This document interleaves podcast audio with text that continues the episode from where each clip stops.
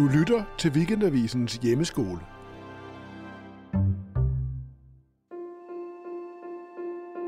Jeg hedder Carsten Jensen. Jeg er forfatter. Og jeg skal i dag tale om Henrik Pontoppidans roman Lykkepære. Jeg har læst den flere gange i mit liv. Det er blevet en livsledsager. Det er en af de første store romaner, jeg læser. Jeg læste den, da jeg var 14 år gammel. Og jeg var på en eller anden måde med hele vejen.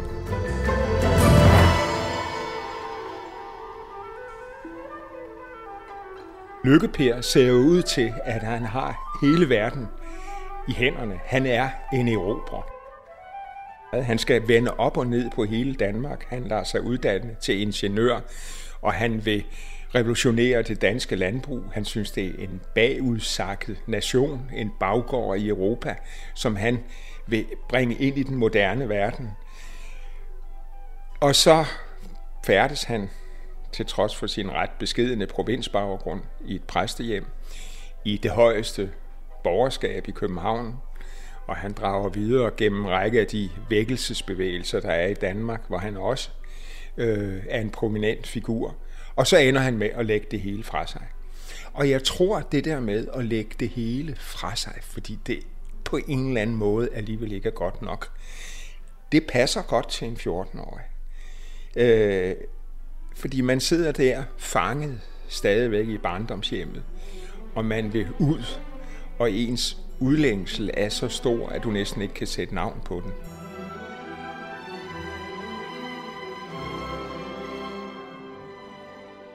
Og om man så ender i den her klitrække, hvis man bare ligesom har erobret sin egen sjæl, og det er jo romanens budskab, at det er det Lykke Per gør. Derfor er han en lykkelig mand, derfor er han en sejrherre. Men det er han også i en afvisning af alle de borgerlige værdier, der herskede på hans egen tid, herskede i min barndom, og ved Gud stadigvæk hersker, som handler om at blive en succes her i livet. Og alligevel så ender han som en beskeden vejassistent i den yderste klitrække et sted i Thy,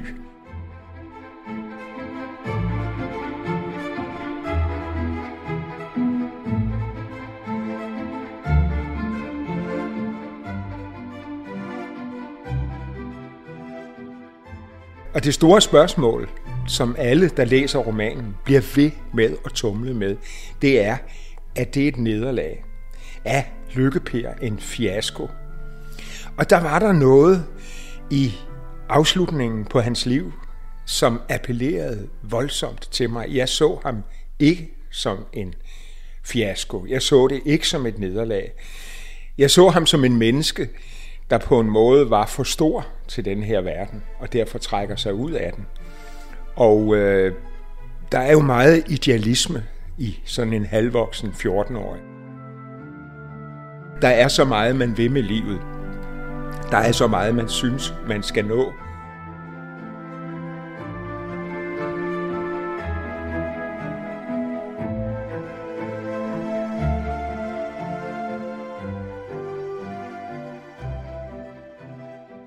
Altså, det er en slutning, som er svær at acceptere, fordi den jo ligner opskriften på en mand, der ikke lykkes her i livet, for nu at bruge det udtryk.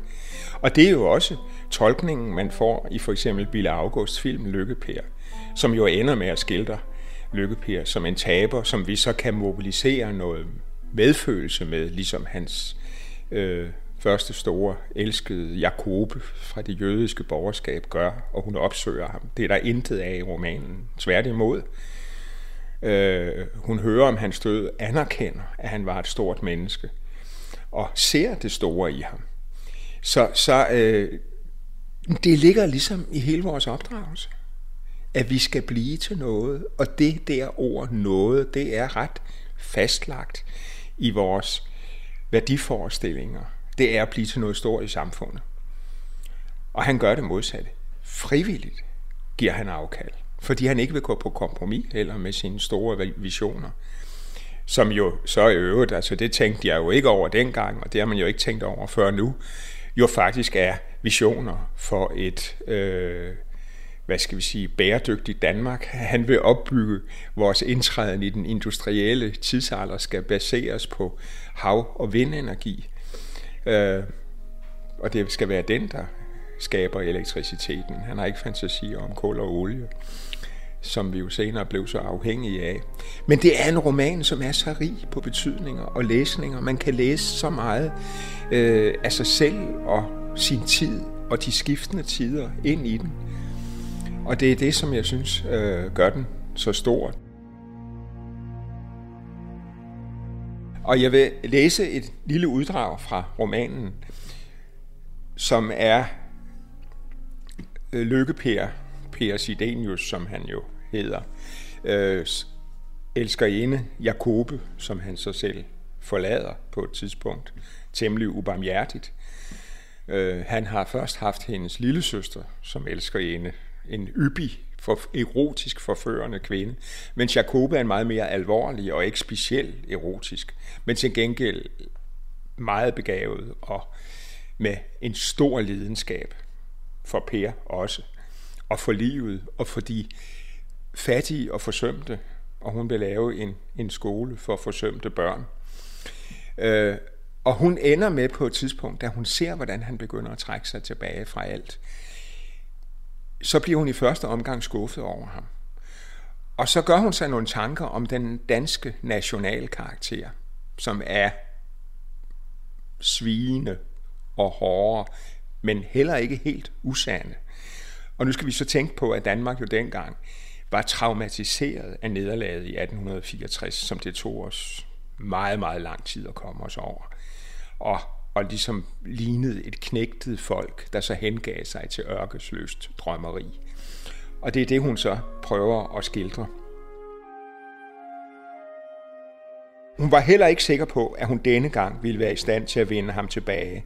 På hans egen modstandskraft stolede hun stadig mindre. Hun så ham nu, som han virkelig var.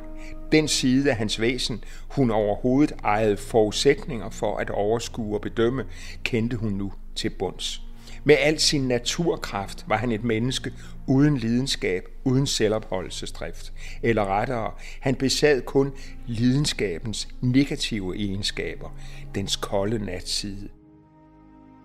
Trodsen, selviskheden, ensindigheden, ikke dens stormende hien, ikke dens fortærende længsel, ikke dens hærtende og lutrende glød og flamme. Var det da ikke håbløst at fortsætte kampen?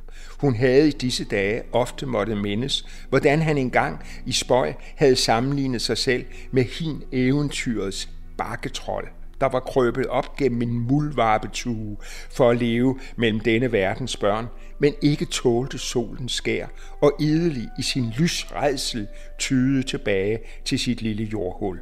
Hun forstod nu, at det var, der var en dybere selverkendelse heri, end hun dengang havde anet eller ville have tiltroet ham.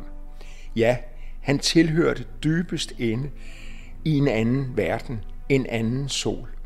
Hvor forskellig fra de fleste andre af sine samtidige han end kunne synes at være, og altid selv havde følt sig, han var dog landets ægte søn. Et fuldbornt barn af det lidenskabsløse danske folk, med de blege øjne og de frygtsomme sind bakketrollene, der ikke kunne se mod solen uden at komme til at nyse, der først levede rigtigt op i skumringen, når de sad på deres lille jordtue og fremkoglede strålende syner i aftenskyen til trøst og opbyggelse for det betrængte sind. Et puslingefolk med store, tænksomme hoveder, men et barns kraftløse lemmer. Et tusmørke folk, der kunne høre græsset gro og blomsterne sukke, men som forputtede sig i jorden, så snart morgenhagen gale. Og det sjove er, at der er en passage i den anden store roman, som vi også stadigvæk ærer og dyrker, som vi jo gør med Henrik Pontoppidans Lykkepær, Johannes V. Jensens Kongens Fald, der minder slående om det her. Det er hen mod slutningen af romanen, hvor Christian den anden og romanens hovedperson Mikkel Tøresen sidder begge to på Sønderborg Slot, Christian den anden som livstidsfange. og Mikkel Tøresen som hans oppasser. Og der står der så, at Christian den anden blev ophavsmand til Danmarks mangel på historie. Og Mikkel Tøresen blev stamfader til en tænkt slægt, det vil sige en, der aldrig kom til at findes. Og, øh, og begge to skabte de en utopi i det blå, det vil sige i den tomme luft. Og der er igen den der forbitrelse, som nederlaget i 1864 affødte. Øh, og som skabte en dansk karakter, kan man godt sige, som de to forfattere havde en meget stærk fornemmelse for og var i krig med. Vi er ikke helt lige sådan i dag, 100 år senere, men, men der har de ramt noget også i vores danske sind, som de begge to kalder det, som, som jeg tror er også en af grundene til, at vi hele tiden bliver ved med at være anfægtet af de romaner. En af de gange, hvor jeg vendte tilbage til den, var på et tidspunkt i 1970'erne. Jeg var et sted i 20'erne. Jeg øh, læste litteratur på Københavns Universitet, og det var, for at sige det mildt, øh, et åndeligt indsnævret miljø. Øh, vi var alle sammen genfødte marxister.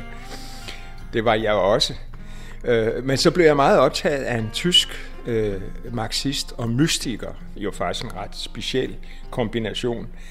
En øh, filosof med jødisk baggrund, der hed Ernst Bloch, og som havde skrevet et stort trebensværk, der hed Håbets princip, hvor grundtesen var, at det bedste ved mennesket var vores trang til at dagdrømme, vores forventning over for tilværelsen, vores længsel efter noget stort. Og øh, han skrev så i 1937, syv år før Henrik Pontoppidans død, en lidt for tidlig nekrolog, hvor han gav en læsning af Lykkepær, som han kaldte et af de største romanværker overhovedet nogensinde, og han tilføjer, at det er ikke særlig kendt rundt om i verden. Det var der oversat til tysk. Øh, og hvor han så netop altså læser hele sin egen filosofi ind i Lykkepær-figuren. At det er forventningen om noget større, der gør, at Lykkepær trækker sig. At der er på en måde et intakt håb, en intakt livsforventning i ham i hans sidste år i klitrækken som ydmyg vejassistent. Og, og øh, det, det satte på en eller anden måde ord på min oplevelse af Lykkepær og min læsning af den. Og den kom så øh, mange, mange år senere. Jeg tror, det var i 2011, kom den om sider på engelsk under titlen Fortunate Man.